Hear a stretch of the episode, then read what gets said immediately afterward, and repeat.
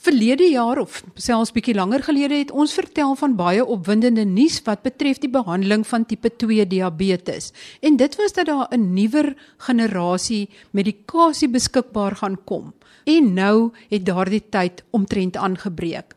Ek gesels met dokter Marius Wasserval.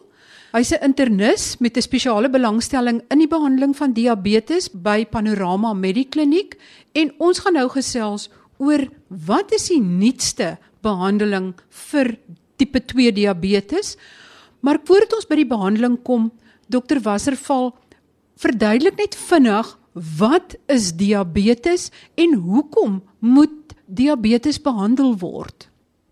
Diabetes is 'n metabooliese abnormaliteit waar tydens jou glikose metabolisme nie meer normaal is nie. So wat jy in effek kry is dat jou suikervlakke in jou bloed heeltemal te hoog is, maar dat die suiker of dan die glikose nie in die selletjies kan inkom nie. So binne in die selletjies buite kan die bloedvate is die suikervlakke eintlik te laag. Wat gebeur met hierdie hoë suikervlakke in die bloed self is dat jy energieoorlading kry in die bloedvate en dit lei dan tot verskeie komplikasies onder andere versnelde aterosklerose wat 'n proses is waar tydens die kombinasie van suiker, bloeddruk en hoë cholesterol dan lei tot blokkades binne in bloedvate op verskillende plekke. Diabetes het dus enorme metabooliese risiko. Ons het hierdie risiko waarskynlik oor die afgelope jare onderskat en daar's 'n studie in Amerika gedoen wat gepubliseer is in April wat intedeel bewys het dat selfs ons geskatte sterfte syfer weens diabetes eintlik 4 maal laer is as wat dit werklik is. Juis weens die feit dat diabetes op sy eie die insidensie van hartaanvalle en beroertes eksponensieel verhoog, kan 'n mens verstaan dat diabetes die dryfveer is agter sterftes. Hartaanvalle en beroertes is heidaglik die nommer 1 en nommer 2 op die top 10 oorsake van sterftes in die wêreld. Mens kan verstaan dat hierdie primêr gedryf word deur diabetes. En as jy kyk na die nuwe Suid-Afrikaanse riglyne, oftewel die SEMSA riglyne, dan voorspel hulle dat diabetes teen die jaar 2040 in Suid-Afrika sal verhoog met 'n 140%. Hierdie is natuurlik primêr weens die obesiteit probleem wat ons het nie net in Suid-Afrika nie, maar reg oor die wêreld. So obesiteit dryf diabetes en diabetes dryf die komplikasies van onder andere hartaanvalle en beroertes. In perspektief gesien, die aantal sterftes internasionaal van diabetes mellitus is meer as die gesamentlike sterftes van HIV, tuberkulose en malaria bymekaar getel. Dit is volgens 'n studie in die jaar 2015. Diabetes is dus 'n enorme risikofaktor, nie net vir komplikasies wat 'n pasiënt se alledaagse bestaan gaan beïnvloed nie, maar vir sterftes. Diabetes kan rofweg verdeel word in tipe 1 en tipe 2. Meer as 90% van diabetes is tipe 2 diabetes. Minder as 10% is tipe 1 en dan het jy 'n hele paar ander soorte diabetes, byvoorbeeld swangerskapsgeïndiseerde diabetes of die tipe diabetes wat jy sal wees as ons jou pankreas moet uithaal vir een of ander rede of as daar trauma is of as daar uh, verlengde kortison gebruik is. Maar kom ons fokus op tipe 2 diabetes. Ons weet lankal dat die drie groot risikofaktore hipertensie, diabetes mellitus en hiperlipidemie oftewel hoë cholesterol dikwels hand aan hand gaan veral in oorgewig pasiënte. daarmee saam hoë urinesuur wat dikwels presenteer met jeug. So die groot 3 bloeddruk, suiker en cholesterol dryf dan prosesse van aterosklerose en verskeie komplikasies. Die bekende komplikasies van diabetes kan ons gaan opdeel in die groot bloedvat komplikasies en die klein bloedvat komplikasies. Die groot bloedvat komplikasies is dan hartaanvalle, beroertes en amputasies. Die klein bloedvat probleme is die bloedvaatjies in die oë, dus blindheid en verskillende forme van oogaantasting. ook die klein bloedvat aantasting in die niere, dus nierversaking of terwyl diabetiese nefropatie en die klein bloedvaatjies wat rondom die senuwees loop wat gaan na die hande en die voete wat dan lei tot 'n brandgevoel en later 'n dooie gevoel in die hande en die voete en dit noem ons diabetiese perifere neuropatie. Vir baie lank het ons gedink dat as jy tipe 2 diabetes behandel, soos jy tipe 1 diabetes behandel, met ander woorde met suikerkontrole, dat jy die komplikasies sal kan verminder. Dit was waar in die DCCT studie wat op tipe 1 diabetes gedoen is laat in die 1900s. In die UKPDS studie wat ook laat in die 1900s gedoen is, het ons egter besef dat om 'n tipe 2 diabetes se suiker te beheer, ongelukkig nie lei tot 'n verlaging in risiko van hartaanvalle en beroertes nie. Indien jy 'n diabetes behandel op 'n baie vroeë stadium met spesifieke medikasie, het jy 'n baie klein voordeel spesifiek in oorgewig pasiënte op die lang termyn. Dis as jy 'n ou in sy 30s of 40s wanneer hy oorgewig is en gediagnoseer word, begin behandel met onder andere metformin of glucophage, dan kan jy 'n geringe verlaging in kardiovaskulêre risiko op die langtermyn verwag. Maar as jy reeds 'n diabetes vir meer as 8 jaar of as jy reeds probleme gehad het met hartaanvalle of beroertes of verbygaande beroertes, dan sal verbetering van jou suikerkontrole op sy eie baie min effek hê op risikoverlaging vir hartaanvalle en beroertes. Inteendeel, as jy diabetes met 'n HbA1c van 8% en jy is bo 50, is jou risiko om in die volgende 10 jaar 'n hartaanval of 'n beroerte te kry ongeveer 22%. Dit is 5 maal hoër as die gemeenskaplike risiko vir oogaantasting, nieraantasting en senuweeaantasting. Dis is jou risiko vir hartaanvalle en beroertes by verre meer as jou risiko vir klein bloedvatskade. Ons het ongelukkig besef in retrospek dat die medikasie wat ons tot nou toe gebruik het, baie min effek het op hierdie enorme groot bloedvat risiko van hartaanvalle en beroertes en ons affekteer eintlik maar net die klein bloedvat risiko's en spesifiek die nieraantasting. Nou toegegee, pasiënte met nieraantasting kry dikwels later hartaanvalle. So daar is wel sin in om pasiënte te behandel om die mikrovaskulêre komplikasie van nieraantasting of nefropatie te verminder. Maar as jy dit gaan kontrasteer met die risiko wat jy het vir makrovaskulêre komplikasies van hartaanvalle en beroertes, het ons op hierdie stadium heelwat minder impak gemaak in die verlaging in komplikasies van tipe 2 diabetes as wat ons sou wou gedoen het in hierdie tyd. Net voordat ons verder gaan oor die behandeling, wil ek net hoor is dit baie belangrik as jy diabetes behandel om die suikerkontrole om dit te hou onder 7%. Die 7% wat jy na verwys is die HbA1c of die geglikosileerde hemoglobien vlak. Dink is belangrik dat ons moet onderskei tussen 'n HbA1c waarde wat uitgedruk word in 'n persentasietelling en die millimol per liter waarde wat almal van ons by die huis kan toets met 'n vingerprik suiker. So as jy jou vinger prik by die huis in die oggend as jy wakker word, moet jou suiker wees tussen 4 en 7 en 2 ure na 'n maaltyd verkieslik onder 8 maar definitief onder 10.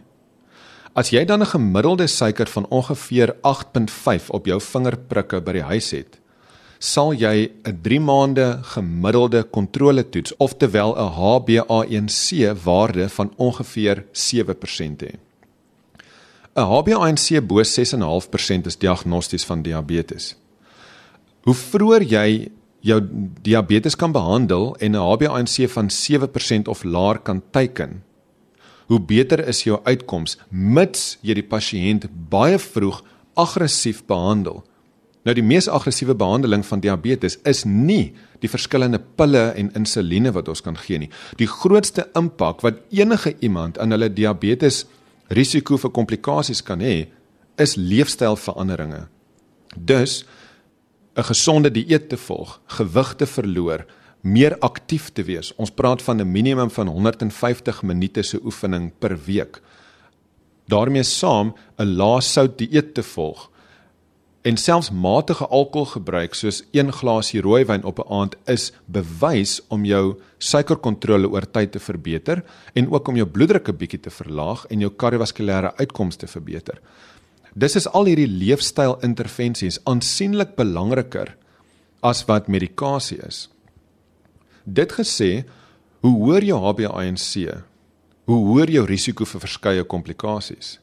As jy 'n pasiënt vroeg na diagnose aggressief behandel en die HbA1c kan sak na 6.5%, sal jy op die lang termyn 'n baie beter verlaging in risiko en in komplikasies hê as wat jy wag tot 'n pasiënt vir 8 of 10 of 15 jaar diabetes en hulle dan aggressief probeer behandel. Ongelukkig teen daardie tyd is baie van die skade reeds gedoen. En nou is dit belangrik om te besef dat as jy 'n pasiënt wat reeds skade het, aggressief behandel en hulle HbA1c probeer laat sak onder 7.5%, kom ons sê af na 6.5 of 6% toe, dan het jy verhoogde risiko om hulle suikers te laat val by tye wat ons noem hipoglikemie. En hipoglikemie het op sy eie weer 'n direkte korrelasie met verhoogde kardiovaskulêre insidente in die nabye toekoms. Ongelukkig het baie van ons medikasie tot op hede dikwels hipoglikemie veroorsaak. So ons teiken diabetes komplikasies. Ons kan die minder algemene komplikasies van nierversaking, oogaantasting en senuweeaantasting wel beïnvloed, maar die medikasie wat ons dikwels gebruik het tot nou kon gelei het tot hipoglikemiese insidente wat dan weer die kardiovaskulêre risiko verhoog. Ons verstaan nou dat die medikasie wat ons gebruik het dus nie noodwendig die verlangde effekte gehad het nie. En juis vir daai rede is ons so opgewonde oor van die nuwe medikasie wat nou op die horison is en wat nou beskikbaar gaan wees in Suid-Afrika wat wel hierdie enorme makrovaskulêre risiko sal teiken en wat wel 'n geringe verlaging in risiko vir hartaanvalle en beroertes kan hê. Dokter Wasserval, watter medikasie is daar tans beskikbaar en vertel ons dan van die nuwe medikasie en waar dit inpas. Vir jou tipe 2 diabetes is daar verskeie pille beskikbaar en dan 'n paar inspuitbare vorms waarvan die een nie insulien is nie, maar wat ons noem 'n GLP-1 reseptor agonis en dan die insuline. Jou tipe 1 diabetes moet egter op insulien wees. So kom ons fokus op tipe 2 diabetes. Wanneer 'n tipe 2 diabetes gediagnoseer word met diabetes, moet hy onmiddellik begin behandel word met aggressiewe leefstylveranderinge saam met metformin. Metformin kom in verskeie name. Glucophage is dalk een van die bekendstes. Alle diabetes moet op metformin wees tensy jy betekenisvolle neeweffekte het wat tipies naait of diarree kan wees. Indien jy neeweffekte het op gewone metformin, dan kan jou dokter probeer om vir jou die verlengde vrystellings molekuul of metformin XR of glucophage XR te gee. As jy egter steeds neeweffekte het, dan kan jy dit nie gebruik nie. Metformin is een van die enigste medikasies wat beskikbaar was tot 'n paar jaar gelede wat wel in jou vroeë diagnose van 'n oorgewig tipe 2 diabetes bewys is om op die lang termyn geringe verlaging in hartaanvalle en beroerte risiko te gee. Vir daardie rede, die feit dat dit goedkoop is en die feit dat dit baie goed getolereer word deur pasiënte, is dit krities belangrik dat alle tipe 2 diabetes op metformin moet wees tensy daar 'n rede is dat jy nie daarop moet wees nie. Die tweede algemene klas van diabetes mellitus hantering was die groep sulfonylureums. Die huidige SEMSA riglyne van hierdie jaar maak spesifieke nota dat die enigste sulfonylureum wat gebruik moet word is glycoside MR. Van tevore was dit bekend as diamicron of diamicron MR of diaglucide MR. Die rede vir die spesifieke keuse van hierdie een is dat die sulfonylureums as 'n groep identifiseer is as 'n risikofaktor vir 'n verlaging in jou suiker. Die sulfonylureums gaan stimuleer insulienvrystelling direk uit jou pankreas, totaal onafhanklik van wat in jou maag aan die gang is of wat jou suikervlakke is. Dus as jy 'n uh, sekere sulfonylureums gaan drink op 'n leë maag en niks gaan eet hierdie dag nie, kan jy verwag dat jou suiker sal val. Dit is nie waar vir metformin nie en metformin se risiko vir hipoglikemie is baie laag. Juis weens hierdie risiko vir hipoglikemie en die gepaardgaande verhoogde risiko van kardiovaskulêre komplikasies is daar gevind dat die veiligste sulfonylureum in die groep glycoside MR is. Dus is dit belangrik om seker te maak dat indien jy 'n sulfonylureum drink, dat jy glycoside MR gebruik. Alle mediese fondse betaal daarvoor. Dit is baie goedkoop en daar is goeie data om te bewys dat glycoside MR verlaag mikrovaskulêre komplikasies en dan spesifiek die nieraantasting van tipe 2 diabetes. Die derde klas pille noem ons die thiazolidinediones en daar is een molekuul tans nog op die mark in Suid-Afrika en dit is pioglitazone. Dit is 'n molekuul wat redelik min gebruik word aangesien dit gewigstoename kan veroorsaak en aangesien diabetes veroorsaak word deur die obesiteit pandemie in die wêreld, wil ons nie regtig diabetes nog meer oorgewig maak nie. Daar is egter bepaalde voordele aan hierdie pil wat mense meer sensitief maak vir insulien wat hulle teenwoordig het Dus alhoewel jy oorgewig is, kan jy 'n veiliger metabooliese profiel hê indien jy hierdie pil sou gebruik. 'n Nuwe klas medikasie wat 'n paar jaar gelede beskikbaar geraak het in Suid-Afrika is die inkretine. Die inkretine kan jy opdeel in 'n inspuitbare vorm van GLP-1 reseptor agoniste. Ons mag dit ken as Byetta of Victoza. Dit is nie insulien nie. Wanneer jy kos eet, skei jou dun darm GLP-1 vry. GLP-1 gaan stimuleer dan jou pankreas om insulien te maak. Ons het gevind deur studies in die verlede dat tipe 2 diabetes te min GLP-1 vrystel. daarmee saam in diabetes as ook nie diabetes word GLP-1 baie vinnig afgebreek deur 'n proteïen met die naam DPP-4. Dus as ek 'n pasiënt se GLP-1 vlakke wil lig, kan ek of die proteïen wat die GLP-1 afbreek gaan blok of ek kan vir hom GLP-1 direk gaan inspuit. Die pille wat die afbreekproteïen, oftewel DPP-4, gaan blok, se name is Anglyza, Galvus en Januvia. Dis kan jy die abnormaliteit in inkretine wel affekteer deur hierdie pil. Ongelukkig werk dit net op die vlak van die pankreas en is daar nie ander voordele nie.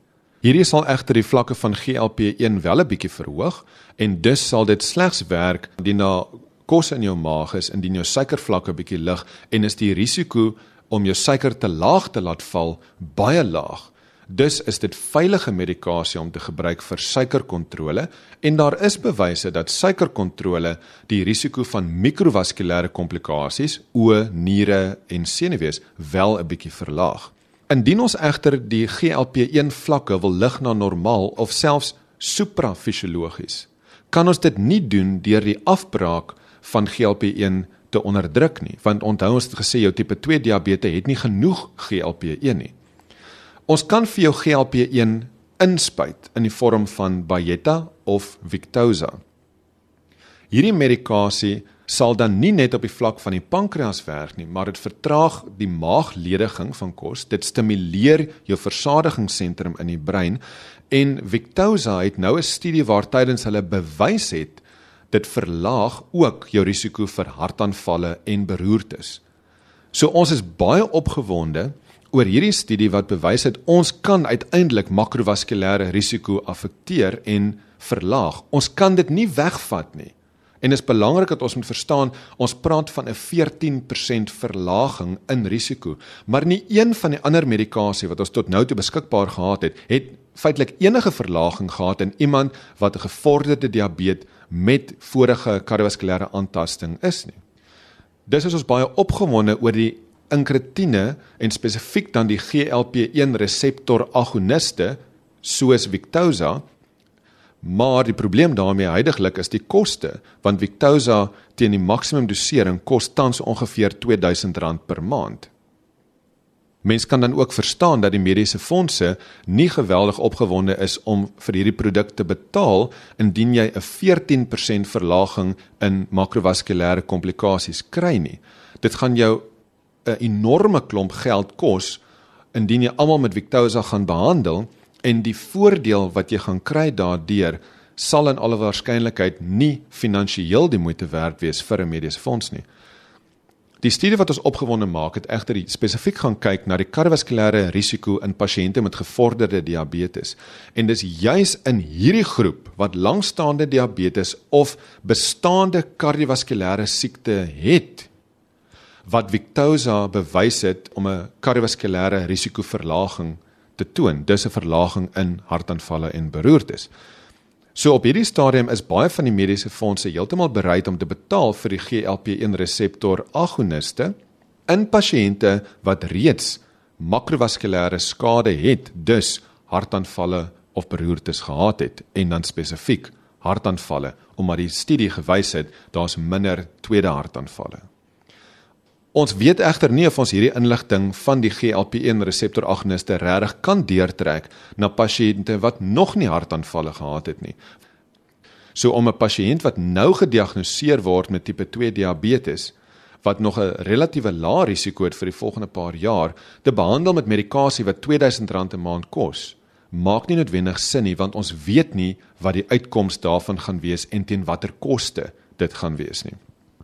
Die groep medikasie wat ons nie nou oor gaan praat is natuurlik insulien en die verskillende forme van insuline, kortwerkend, langwerkend, mengsels ensovoorts. Dis egter belangrik om te verstaan dat diabetes is 'n progressiewe siekte. Teen die tyd wat jy gediagnoseer word met diabetes, het jy reeds ongeveer 50% van jou pankreasfunksie verloor en sal jou suikers nou begin om hoog genoeg te styg dat ons jou 'n diabetes noem. Dit is egter nie asof daar 'n skakelaar aan of afgeskakel word in jou metabolisme nie. Jou metabolisme was reeds ietwat abnormaal vir die tydperk wat dit geneem het om van 'n 100% te val na 50% pankreasfunksie. Dit is ongeveer 7 tot 10 jaar. Dis is jou metabolisme reeds abnormaal en kan jy makrovaskulêre komplikasies ontwikkel het in die tyd wat jy nog nie noodwendig gediagnoseer is met diabetes nie, juis omdat jy 'n prediabetes was en jou metabolisme abnormaal was. Mikrovaskulêre komplikasies, oë, niere en hande en voete senuwees begin egter meer rondom tyd van diagnose en dit kan ongeveer 10 tot 15 jaar neem om te ontwikkel daarna. Maar nou kan ons verstaan waarom 'n pasiënt kan presenteer met 'n hartaanval Ons diagnoseer hom dan met tipe 2 diabetes en dan verduidelik ons hom dat sy hartaanval juis is as gevolg van die metabooliese abnormaliteite van diabetes wat teenwoordig was die afgelope 7 tot 10 jaar. Die mikrovaskulêre komplikasies kan teenwoordig wees met diagnose, dis egter meer dikwels eers later teenwoordig. Omdat diabetes 'n progressiewe siekte is, kan jy verwag dat as jy oor tyd ongeveer 80% van jou pankreasfunksie verloor het, dat jy wel ekstra insulien sal benodig want jou pankreas is nie meer in staat om daardie insulien te produseer nie. So enige tipe 2 diabetes wat lank genoeg lewe, kan verwag om op insulien te wees. Aanvanklik mag dit dalk pille plus een langwerkende insulieninspuiting in die aand wees maar later van tyd sal jy dalk meer inspuitings benodig omdat jou pankreas net nie meer die vermoë het om daardie insulien te vervaardig en vry te stel nie. Dit bring ons dan by die nuwe klas medikasie. Dit word genoem die SGLT2 inhibitore. Dit staan vir die sodium glucose transporter 2 inhibitore. Die SGLT2 inhibitore is pille wat baie meer bekostigbaar is as byvoorbeeld die GLP-1 reseptor agoniste wat inspuitbaar is. Hierdie medikasie het ook bewys om makrovaskulêre risiko te verlaag en 13% verlaging te gee in hartaanvalle. In die tweede program in hierdie kort reeks sal Dr Marius Wasserval, internis verbonde aan die Panorama Medikliniek, in meer besonderhede verduidelik hoe hierdie nuwe middels werk, waarvan die een middel reeds die einde van November beskikbaar word en die tweede middel vroeg in die nuwe jaar. Hy verduidelik dan hoe 'n middel op die niere kan werk om jou bloedglikose vlakke te verlaag en ook jou risiko om 'n hartaanval te kry. Gaan kyk op www.rsg.co.za vir meer agtergrondinligting oor tipe 2 diabetes en die behandeling daarvan. En doen dit net aksieplan week 14 se so plan is op die webwerf beskikbaar. Tot volgende week. Totsiens.